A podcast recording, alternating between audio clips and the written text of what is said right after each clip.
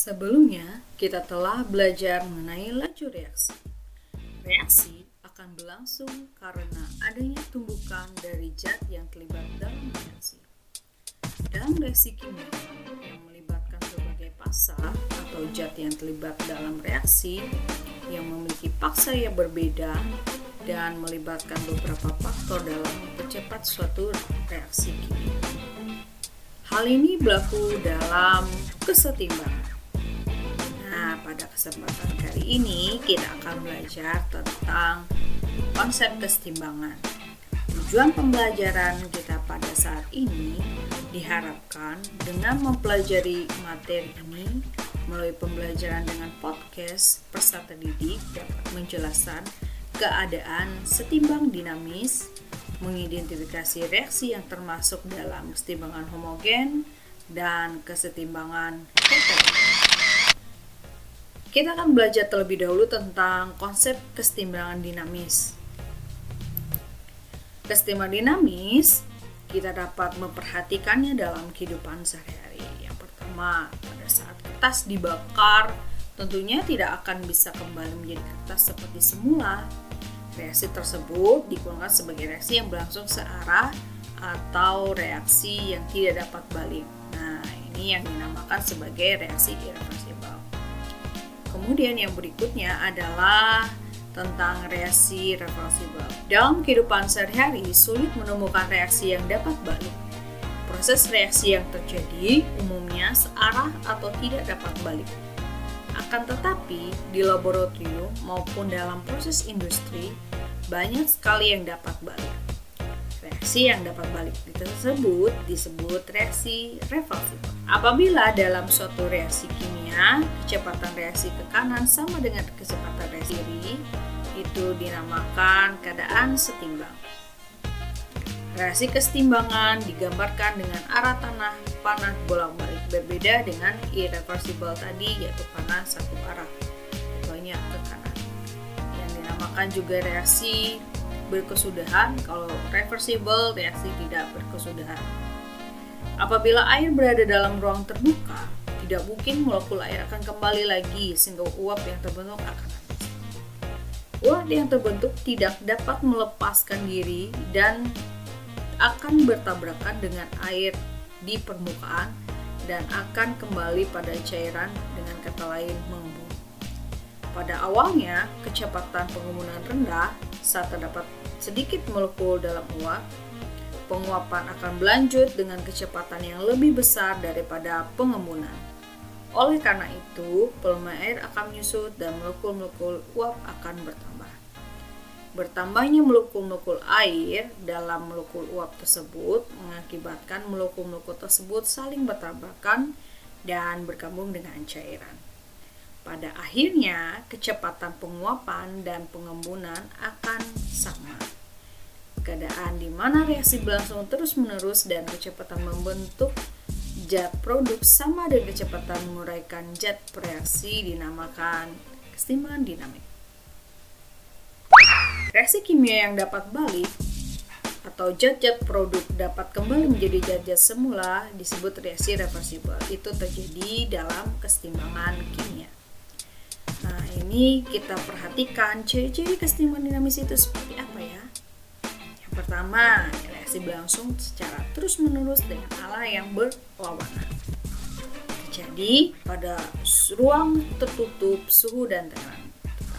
Ketiga, kecepatan reaksi ke arah produk atau hasil reaksi sama dengan kecepatan reaksi ke arah reaktan atau zat-zat bereaksi. Tidak terjadi perubahan makroskopis, yaitu perubahan yang dapat dilihat tetapi terjadi perubahan mikroskopis, yaitu perubahan tingkat partikel tidak dapat dilihat. Nah, setiap komponen tetap ada. Pada reaksi kesetimbangan, peruraian gas N2O4 menjadi gas NO2 tercapai keadaan setimbang saat kecepatan terurainya N2O4 atau nitrogen dinitrogen tetraoksida sama besarnya dengan kecepatan membentuk kembali dinitrogen tetraoksida. Dalam sistem terbuka di alam sekitar kita terjadi keseimbangan kimia atau reaksi bolak-balik dua arah atau reversi yaitu reaksi siklus oksigen, siklus air dan siklus nitrogen. Dengan adanya keseimbangan kimia, reaksi reversibel atau dua arah, maka makhluk hidup tidak kehabisan oksigen untuk bernapas dan tidak kehabisan air untuk keperluan sehari-hari. Waktu untuk mencapai kesetimbangan antara reaksi satu dengan reaksi yang lain itu sangat berbeda. Ada reaksi yang mencapai kesetimbangan begitu zat tersebut dicampurkan, ada juga reaksi yang memerlukan waktu yang lama. Contohnya reaksi yang ketika dicampurkan dia langsung bereaksi, itu pada reaksi antara besi 3 dengan ion tiosianat pada Fe3+ dengan SCN- menghasilkan ion FeSCN2 2 tiosianat. Akan tetapi ada beberapa reaksi yang memerlukan waktu lebih lama untuk mencapai kesetimbangan. Misalnya reaksi antara gas hidrogen dengan gas nitrogen membentuk amonia. Yang reaksi tersebut akan berlangsung dalam waktu yang lama, yaitu memerlukan waktu berhari-hari untuk mencapai kesetimbangan meskipun diatur pada suhu 500 derajat Celcius. Nah, pada kesempatan berikutnya, tadi kan kita sudah belajar tentang kesetimbangan dinamik ya. Saat ini kita akan belajar tentang kesetimbangan homogen dan kesetimbangan heterogen. Nah, kita akan bahas satu-satu tentang kesetimbangan homogen dan heterogen. Pertama, tentang kesetimbangan. Kesetimbangan homogen adalah kesetimbangan yang semua komponennya satu fase atau semua fase yang terlibat dalam reaksi sama. Contohnya pada reaksi antara gas nitrogen dengan gas hidrogen menghasilkan gas amonia. Nah, ini kan semua fasenya sama. Biasanya yang paling banyak yang fase yang sama adalah dalam bentuk gas. Itu dengan diperhatikan pasanya itu biasanya dilihat di perhatikan dalam persamaan reaksi kimia ditandai dengan uh, lambang G yang ada di dalam kurung. Kemudian kesetimbangan heterogen adalah kesetimbangan yang terdiri atas dua fase atau lebih atau fasenya berbeda. Contohnya pada reaksi antar penguraian atau reaksi kesetimbangan kalsium karbonat CaCO3 fasenya solid dilambangkan dengan S kemudian akan membentuk CaO atau kalsium oksida dan karbon dioksida gas karbon dioksida. Nah, di situ ada perbedaan fasa. Ya, jadi di kelas 10 semester 2 tentang uh, larutan tentang stokiometri, anak-anak harus mengingat kembali tentang pasa-pasa dan lambang-lambang Nah, demikian pembelajaran kita tentang konsep kesetimbangan dan uh, setimbangan homogen dan heterogen. Sampai bertemu pada pertemuan berikutnya, pada materi berikutnya juga. Terima kasih.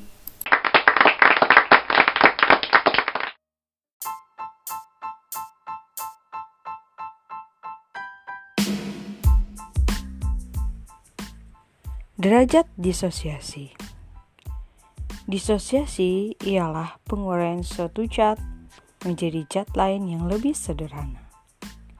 Derajat disosiasi adalah perbandingan jumlah zat yang terurai terhadap jumlah zat sebelum terurai atau mula-mula. Derajat disosiasi disimbolkan dengan alfa. Kesetimbangan disosiasi adalah Reaksi timbangan dari reaksi penguraian gas. Kesetimbangan disosiasi adalah reaksi kesetimbangan dari reaksi penguraian gas. Besarnya bagian zat yang terdosisi dinyatakan dengan derajat disosiasi, yaitu perbandingan antara jumlah zat yang terdosisi dengan jumlah zat mula-mula. Derajat disosiasi atau alfa dapat berupa angka desimal pecahan ataupun dalam persentasi. Nilainya berkisar antara lebih besar dari 0 dan kurang dari 1 atau dalam bentuk persentase yang memiliki nilai lebih besar dari 0% tapi kurang dari 100%. Jika nilai alfa sama dengan 0, maka zat tidak terdisosiasi. Jika alfa sama dengan 1, zat terdisosiasi sempurna. Dan jika alfa berkisar lebih besar dari 0 kurang dari 1, zat terdisosiasi sebagian.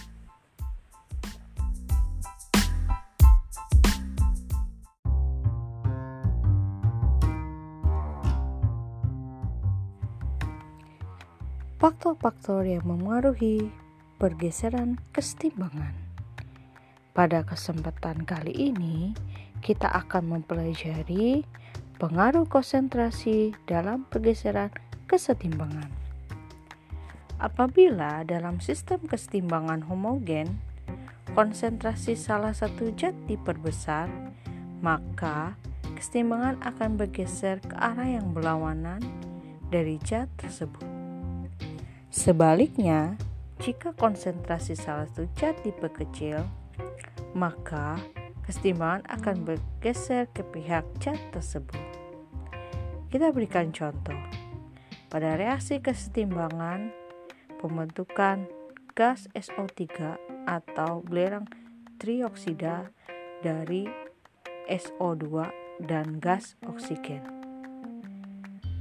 Dua SO2 atau dua molekul gas SO2 yang direaksikan dengan satu molekul gas oksigen akan membentuk dua molekul gas belerang trioksida.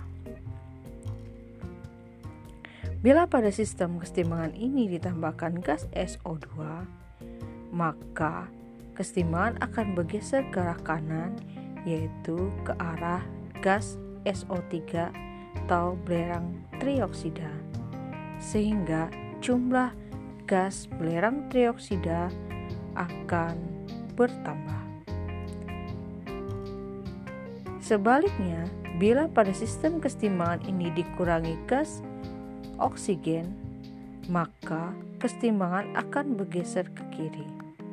Artinya, jumlah dari gas tersebut akan bertambah dan tidak bergeser ke arah kanan, tetapi tetap menuju zat yang dikurangi.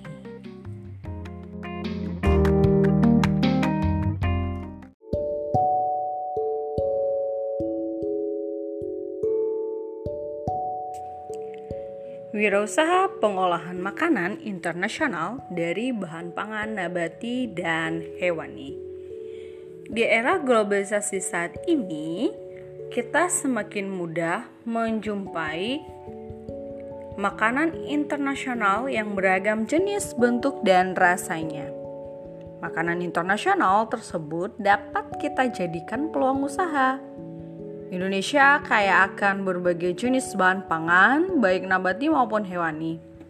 Hal itu dapat dimanfaatkan untuk membuat berbagai jenis makanan internasional, baik yang asli maupun yang sudah dimodifikasi, supaya sesuai dengan lidah masyarakat Indonesia atau yang menjadi jenis masakan baru.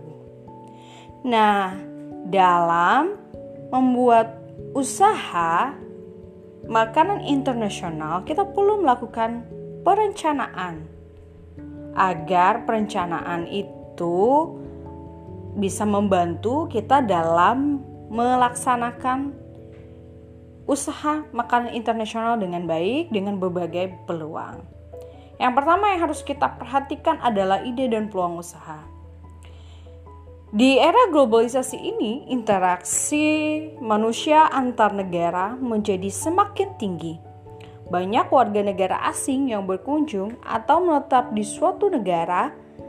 Bagi warga negara asing yang hidup di negara lain, tentu saja merindukan masakan khas negaranya untuk bisa menikmati di tempat tinggal mereka saat ini. Demikian juga produk aslinya Mereka juga memiliki rasa ingin tahu yang besar untuk dapat menikmati masakan dari negara lain seperti kita di Indonesia ya.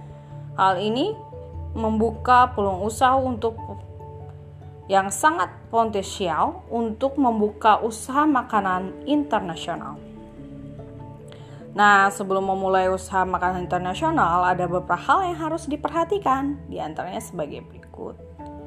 Tentukan jenis makanan internasional yang akan dibuat, mengolah makanan yang tepat, gunakan bumbu yang tepat, cari lokasi yang tepat, tentukan harga yang bersaing, berikan pelayanan firma, dan konsisten dalam pelayanan.